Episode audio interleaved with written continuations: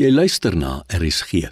Dis nou tyd vir die aandgedagte, aangebied deur Dominee Rudolf Botha van NG Witpoortjie in Rodepoort. In 1 Korintiërs hoofstuk 3 vers 9 skryf Paulus: Ons is medewerkers van God. Julle is God se saailand, God se bouwerk. Wanneer laas het jy jou roepingsbesef herontdek? Sommige mense is geneig om te dink dat slegs dominees en pastore 'n roeping het. Dit is nie waar nie. Paulus leer ons dat elke gelowige 'n roeping het.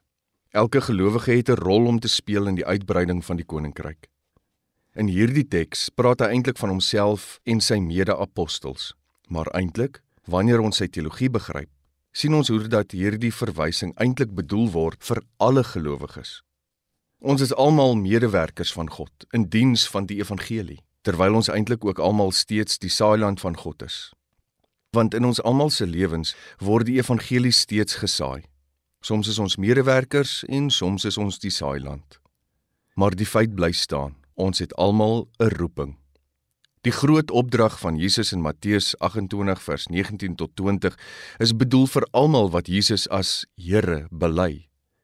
Jy mag daarom nie terugsit en verwag dat die bedienaars van die evangelie die werk moet doen en almal alleen moet bedien nie. Dit is ook jou opdrag.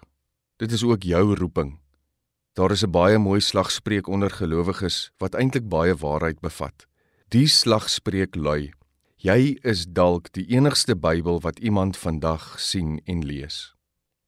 Aangesien jy bekend is met die evangelie en toegerus word deur die Heilige Gees, gee Jesus vir jou die opdrag om 'n visser van mense te wees en disippels te maak wat op hulle beurt weer medewerkers van God word.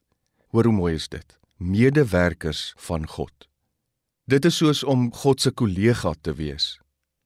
Jy het daarom 'n roeping, 'n verantwoordelikheid om die werk wat God begin het en steeds verrig te doen. Jy is immers die hande en voete van Jesus in 'n wêreld wat geneig is om hom mis te kyk. Here, dankie dat U my vertrou met 'n roeping. Help my om hierdie roeping ernstig op te neem en om daarmee moeite te doen tot die eer van u naam en tot uitbreiding van u koninkryk hier op aarde. Amen. Dit was die aandgedagte, aangebied deur Dominee Rudolf Botha van NG Witpoortjie in Rodepoort.